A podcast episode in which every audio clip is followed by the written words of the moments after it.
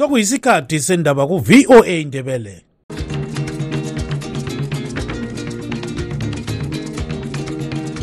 amatshono zihlobo siyalamukela kuhlelo lwethu lwezindaba eziphathelane lezimbabwe kustudio 7 eya voice of america sisakaza sisewashington dc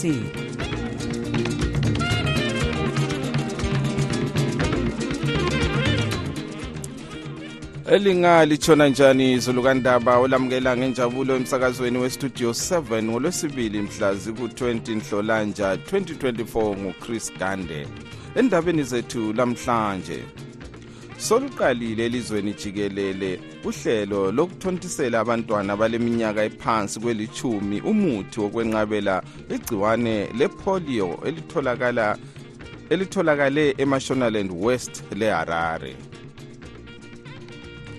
Kulequla le-southern african development community isadak elethekelela ezimbabwe okulamalunga ebandla lezanu-p f aseqolotsha ethakazelela ukuba umongameli emerson mnangagwa uzabamba isikhundla somgcinisihlalo okwesikhatshana. Babikwa bengcosana abatsha abenelisa ukusungula amabhizimusi elizweni lanxa uhulumende ebakhuthaza ukuba benze njalo. Zonke lezi ndaba lezinye lizozizwa khonapha emsakazweni westudio 7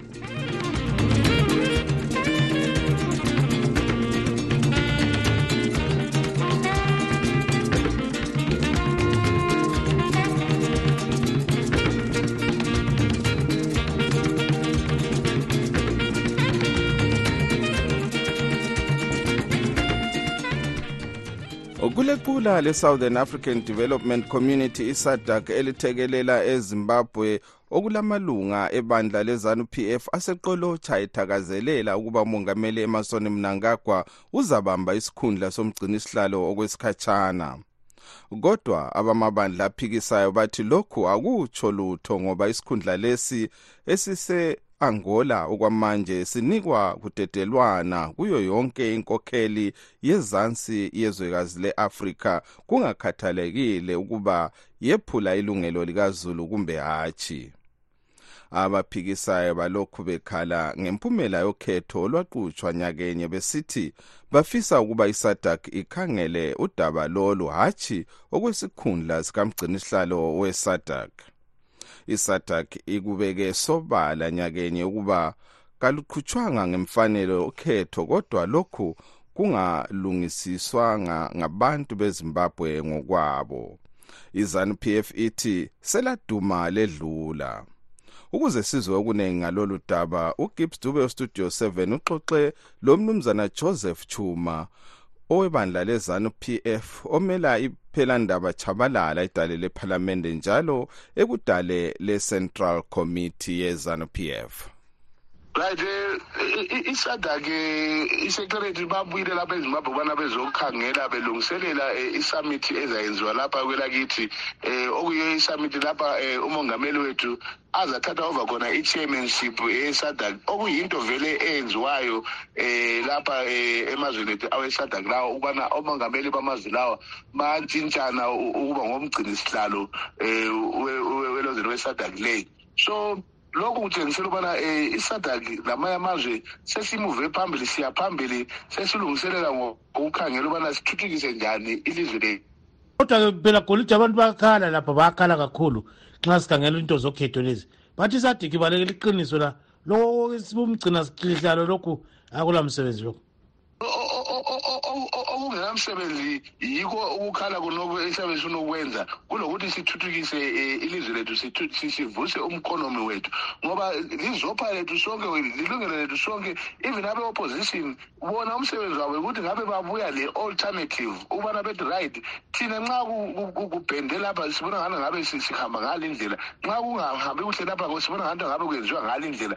Yiwo umsebenzi wabo. Hatshi ukubana bebehlala befuna ukukhala ngokhetho osoludlulile. Bona iproblem bekuthi ukhetho balufuna um ukuthi bethi kona lulungile nxa kuyibo abanqobileyo kuphela. Okungayisiko khona nxa usiya ekhethweni um kulempumela ezimbili um either uyanqoba kumbe uyanqotshwa. Nxa unqobile thaba ubusuphuma ekuthabeni uqase ukulungisa ilizwi. Nxa unqotshiwe um ye ungakhala akuyaleshwa kodwa khala phela ubusunjani ungasalahli imbeleko ubuye silungise ilizwe sindawonye yikho kumele kwenzakale khonokho. Kodwa-ke phela lapha bathi ukukhala ezimbabwe kuyafana lembuzi ekhaleni ilandwa amakhanka ngoba kula muntu oza kulalela.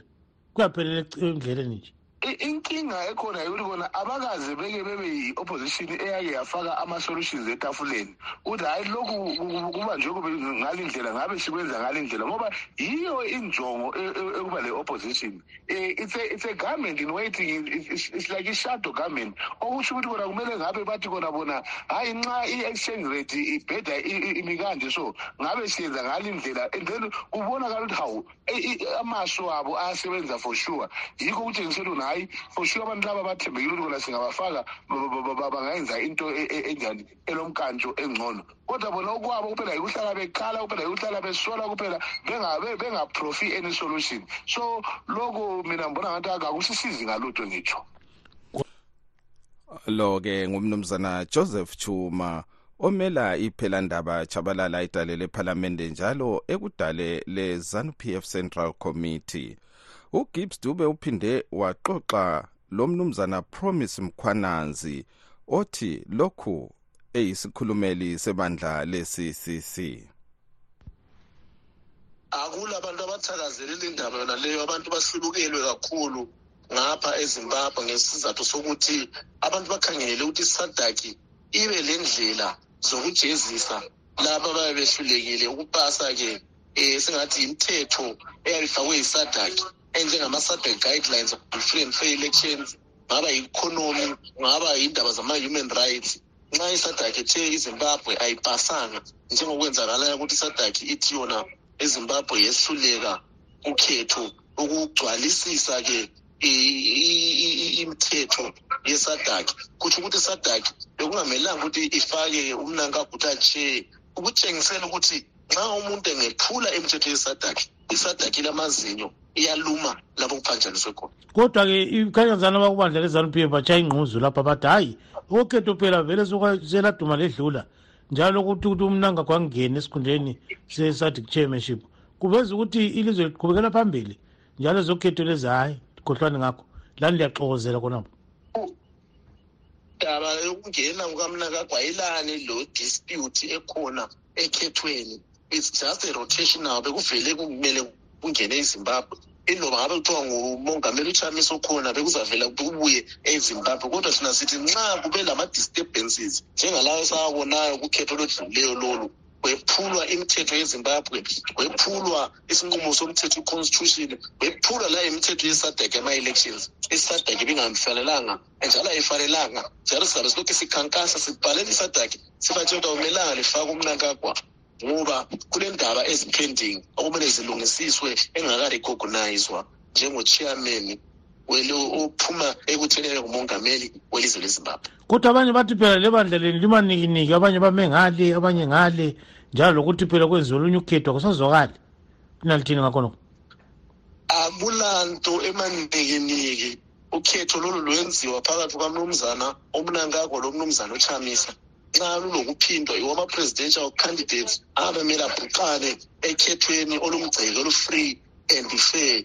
Um njalo lokukhuluma ukuthi ubaba uchamisa ayisiye mkhokheli we-triple c kuphela umkhokheli welizwe lonke. Um ungaphezu kwe-triple c umkhokheli we-democratic movement yonke jikelele ilizwe lonke jikelele ezimbabwe. Kodwa kuthiwa kade singaselabandla phela usemeqekele khonali katshana so uyaba umkhokheli njani baba mkhona?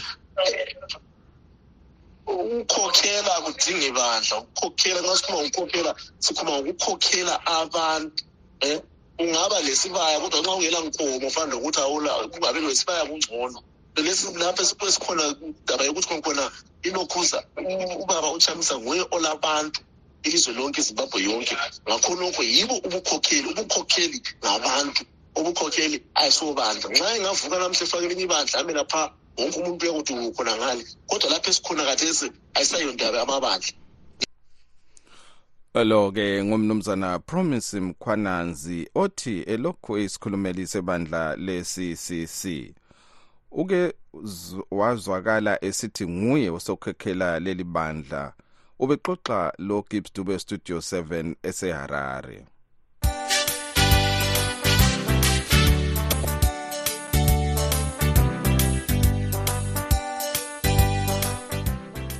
Usoluqalile elizweni lonke jikelele. Uhlelo lokuthontisela abantwana abaleminyaka ephansi kwelichumi umuthi wokwenqabela igciwane lepolio elitholakale emashonaland west leharare. Uhlelo lolu luqutshwa lugatsha lwezempilakahle lumanyene labenhlanganiso e-unicef world health organization global eradication initiative lezinye. Okuningi asikuzweni kuntatheli izindaba yestudio 7 u-anastasia ndlovu esethulela lolu daba ngugcweleyo ekobulawayo lokhu ngokokuqala ukuba elezimbabwe linike abantwana umuthi obizwa ngokuthi opv2 vaccine osetshenziswe kwele-ethiopia ebenin econgo republic eliberia enigeria lakwele-sierra leone kusukela ngomnyaka ka-2021 i-unicef ithi kukhangelelwe ukuba abantwana abafika izigidi ezine 4 million bazanikwa imithi kusukela namuhla kuze kuyefika uncwabakazi ngomnyaka ozayo. Umnumzana douglas mombeshora ophethe uhlangothi lwezempilakahle uthi kuqakathekile ukulwisana lomkhokha wepolio okuthiwa yipolio virus type 2 we have had a challenge with certain religious uh, sects who are objectors to seeking um, health uh, solutions from our health institutions. We have gone to consult their elders so that they can talk to their subordinates, and I think we are winning. sike saba lohlupho ngabantu bezinye inkolo abangavumeli abantu ukuthi baye ezibhedlela zethu kuyodinga usizo kwezempilakahle. Sesikhulumisane lenkokheli zabo ukuthi zixoxisane labalandeli bazo. Uhlelo lwe-novel oral poliomyelitis vaccine 2 luqhutshwa emakilinika lezibhedlela. Omunye wabaphethe uhlelo lokunika abantwana umuthi wepolio ngumkhokheli wabongi kukhansili yedolobho lakobulawayo. Unkosikazi sithokozile hobe thina ezibulawayo metropolitan province siyabe sithontisela abantwana i-novel oral polio vaccination. Sikhangelela ukuthontisela 214 586 abantwana nge-four days lezi ezilandelayo. Omunye wabokuqala ukuhambisa umntwana ekilinika ngunkosikazi josephine hassani okhonza e-africa apostolic church komaja echabalala clinic. Ngibakhuthaza ukuthi kababuye labantwana ngoba abantwana bamapostoli abaningi bayaphela ukufa ngenxa yokuthi kabavikelwa. Kababuye labantwana babo amapostoli bazitontisela akubulawa abantu lapha esibhedlela. Isakhamuzi sakobulawayo umnumzana godin ncube oyenelise ukuthontisela abantu bakhe ababili ukhuthaze abanye obaba ukuba benze njalo. Hayi akuthatha isikhathi. Uyafika nje ufike uhlale umntwana weywe athi maqeda uweya ujoyina ilayini umntwana athontiselwe uthatha umntwana endlini. Ngithi asizeni asizeni ngobuningi isakhamuzi senyamandlovu unkosikazi sibonye inkosi bhebhe uthi bahamba umango omude besiya esibhedlela njalo uhlelo lokuthontisela belungakafiki emangweni wabo uhle wathatha leli thuba ezohlolisa umntanakhe ukuthi ahle athontiselwe. So ngavele ngilo hambo lwami lokuza esibhedlela nxa ukuthi isibhedlela sethu zikhatshana kasila sibhedlela sihambe ilanga lonke nxa sisiya esoluthi singasuka ngama-four siyafika ngabo-ten ngomnyaka odluleyo ngomfumfu uhulumende ubike ngokufunyanwa kwepolio esanyathi emntwaneni oleminyaka engaphansi kwelitshumi. Elezimbabwe lagcina ukuba labantwana ababanjwa ipolio ngomnyaka ka-1989 kuthi ngomnyaka ka-2005 izimbabwe yatholiswa imendulo ilizwe eseliyenelise ukuwuqeda umkhuhlane wepolio kulandela uhlelo lwayo oluqinileyo lokuthontisela abantwana umuthi wamavaccine. Ngimele umsakazo westudio 7 ngikobulawayo ngingu-anastasia ndlovu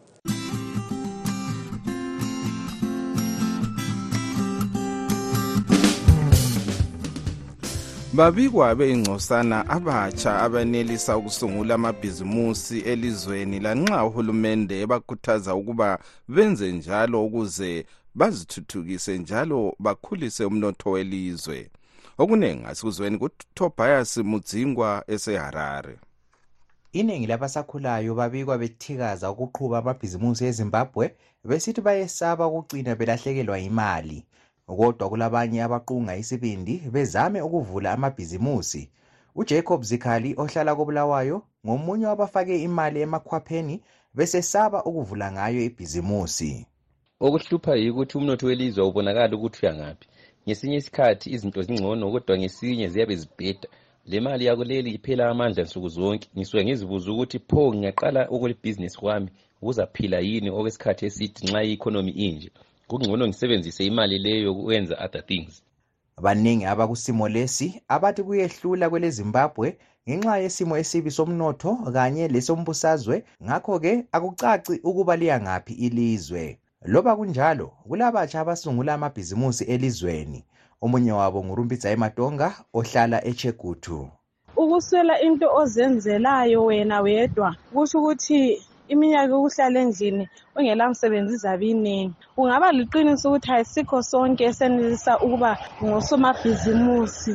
Kodwa manje singenza njani? Yikho ubona ukuthi thina lapha ezimbabwe abantu abaningi vele silamabhizimusi amancane ngoba imali yethu yabe ilutshwane but yikho lapho yabe ukwanisa ukuthi engxenye uzuza imali yokudla imali yokuhambisa abantwana esikolo imali yokwenzani usikhonzile khumalo ohlala kobulawayo. Uthi sewasungula elakhe ibhizimusi. Mina ngilungisa ama-key holders ngimathengisela abantu nje ezama-companies it's been four years ngisenza lokho and kuyangiphilisa. Nxa ekhona ufuna laye ukuqala okwakhe ngingathi kuye start small. Amabhizimusi ethu abasakhulayo afuna ukuthi siqale ngokuncane siye sikhula mbijana mbijana. Kodwa kuyenzeka lapha ezimbabwe loba ziwomile izinto. Uhulumende okhanga ukuba abatsha besungule amabhizimusi usebenzelana lebhanga le-empower bank eboleka abasakhulayo imali. Umnumzana ofas dube umsekeli wenkokheli ebona ngemisebenzi kugatsha olubona ngendaba zabatsha uthi kunengi okwenziwa nguhulumende okhanga abasakhulayo ukuba bevule amabhizimusi kwele zimbabwe eh, i-ministry of youth ilamathuba akhona amaningi kwabasakhulayo. Izikolo zokufundisa imisebenzi yezandla esingathi ngama-vocational training centers. Lapho abasakhulayo abakhuthazwa ukuthi baye khona beyefundela imisebenzi yezandla. Njalo siyafundisa ukuphathwa kwamabhizinisi. Sile-zimbabwe youth council ekwenzayo lokuthi nxa befuna ukurejista amabhizinisi abo asebenza semthethweni siyenza njani? Konke lokho siyakufundisa. Loba kunjalo ingcwethi ecubungula ezonotho lezombusazwe okunhlanganiso ebona ngamalungelo abathengi e-national consumer rights association umnumzana efi ncube uthi nxa umnotho welizwe ungaqhubeka umubi kangaka uncedo lukahulumende kalusoze lwaphathisa abatsha. Ezepolitiki lezenotho zilunge zithembise ukuthi leyo mali iyabe isetshenzisiwe ukuze kuvulwe lelo bhizinisi izatholakala njalo. Okwesibili okuqakathekileyo ukuthi abatsha bazakwazi ukufinyelela emabhenki bathole imali yokukhulisa amabhizinisi abo yokuvula lawo mabhizinisi njalo. Okwesithathu okudingakalayo yikuthi abatsha bathembe ukuthi imali le abayizuzayo izagcinakala ngendlela efaneleyo. Hhayi ukuthi icine iphela amandla ingasayiyo lutho. Ngomnyaka ka-2020 ibhanga lamazwe omhlaba ele-world bank lazisa ukuba izimbabwe ngelinye lamazwe lapho okuhlupha ukusungula amabhizimusi. Ngimele istudio 7 ngiseharare ngingutobias mudzingwa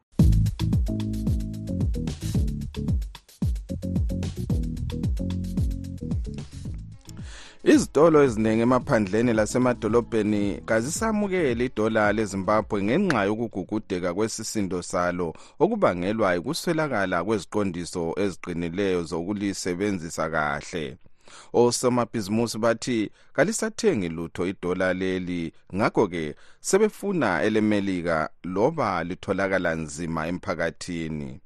Ubathabile masuku siphalo ludaba ngokugcweleyo ekobulawayo ukugugudeka kwedola lezimbabwe okuqhubekela phambili lokuswelakala kwedola leli kwenza kube nzima ukuba abantu bethenge isinkwa lokunye okudliwa nsuku zonke.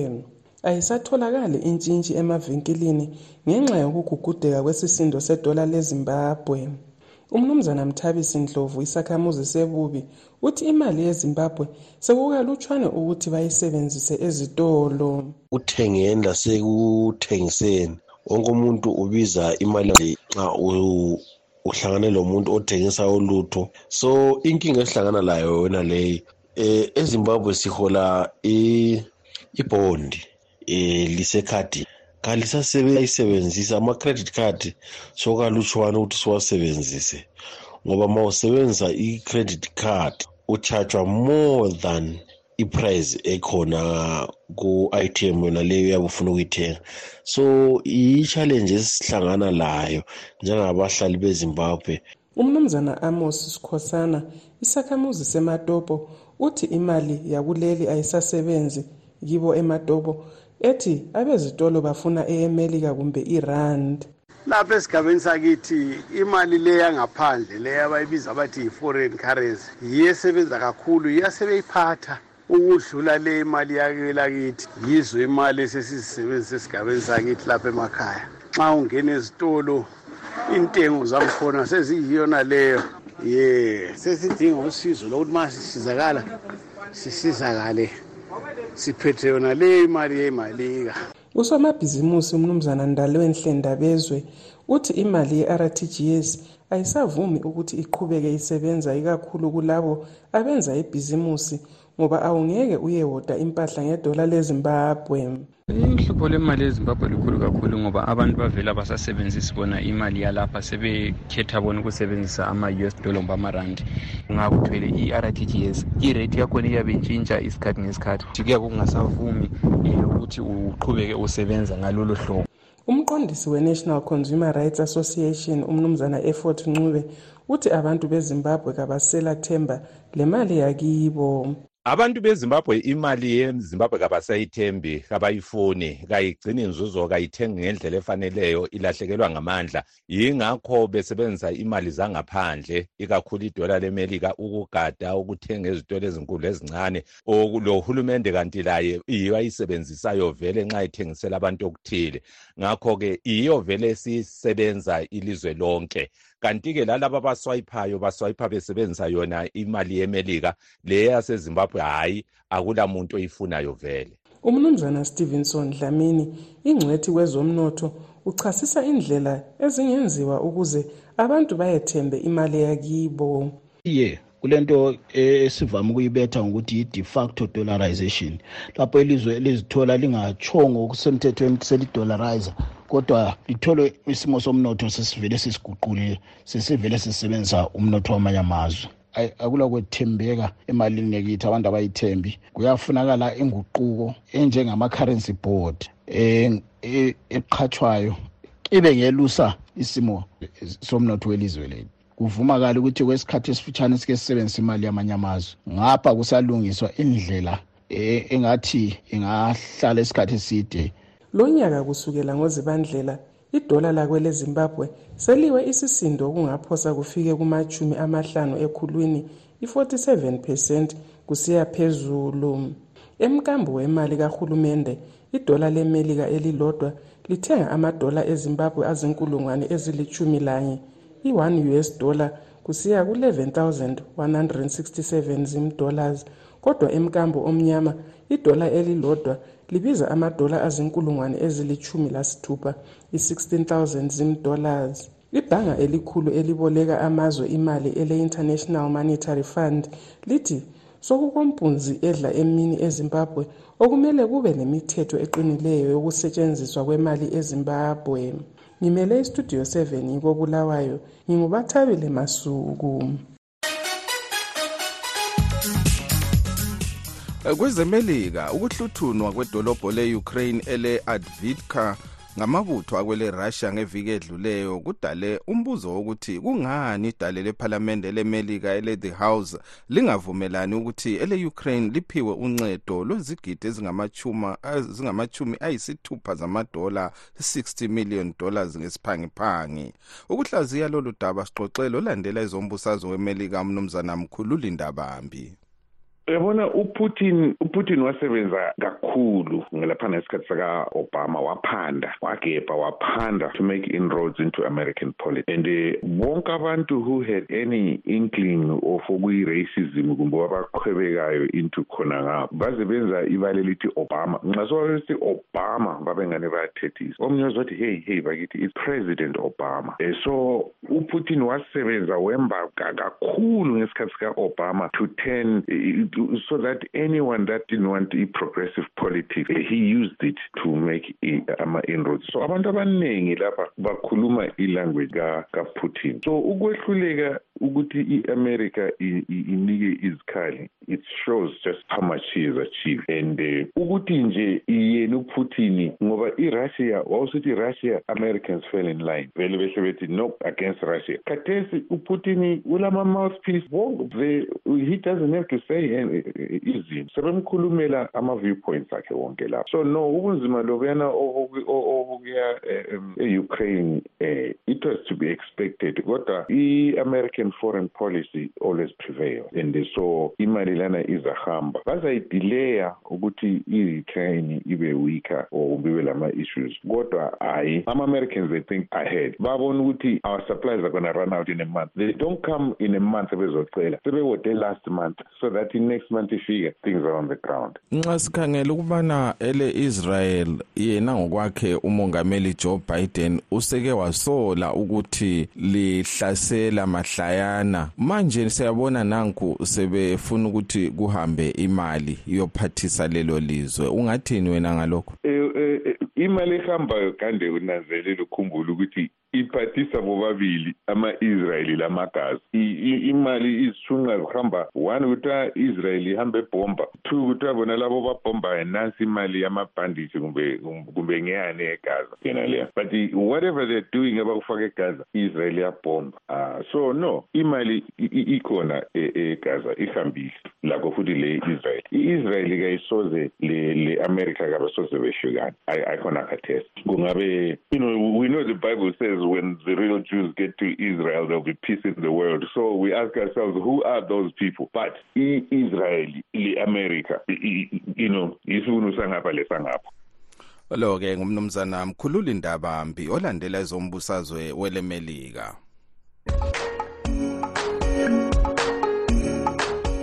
okwamanje ke sizwe imbono yenu lina balaleli bethu studio 7 studio 7 linjani bakithi hayi thina siyaphila. Hey hayi into engiyibonayo into engiyezwayo eyenzakalayo ekhaya. Angiboni ukuthi yinto lengqondo kulabantu ngokuthiwa ngabo lokhu belokhu betshintshana after three months after three months baye beyenzeni. Kade anto bevele ngani nguye ozibambileyo nguye uchabangu sephumile senika abanye. Ee uchabangu usile ye sibingelele enkundleni. Ye hayi lokhana kungayithusi abantu kucacile lokhuyana. Um umsebenzi kachabangu eh sesebenzile uchabangu yinto ayevele iqhatshele izano ukuthi khona izakwazi ukwengezelela isikhathi sikamongameli. Yikho umsebenzi kachabangu wayewuqhatshiwe ngoba kulolu khetho njengoba yayingayitholanga i-two third majority manje bazasiguqula isisekelo sombuso ngemisebenzi kachabangu hayi futhi uchabangu lo angazi ukuthi wasivelela kuphi shefu studio seven studio seven sanibonani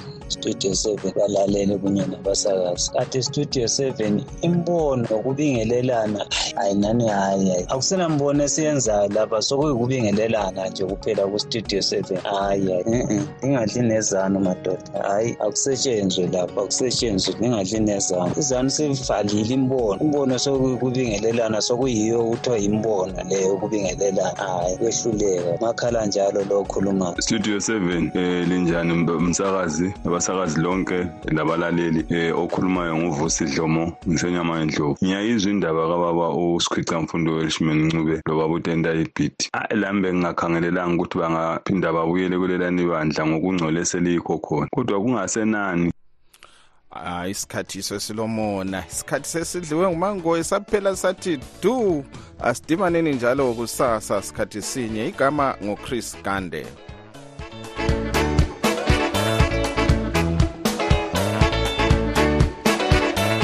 Siyalibonga ngokulalela kwenu. Asibeke ithuba elifanayo kusasa kustudio 7 kusukela ngo-half past 7 kusiya ku-8 o'clock ntambama kuhlelo lwezindaba zezimbabwe. Tinotenda nekuteerera chirongwa chedu. Teererai zvakare mangwana kubva na7 p m kusvika na730 p m. Apo tinokupai nhau muririmi rweshona. Lilani. Murara zvakanaka mhuri yezimbabwe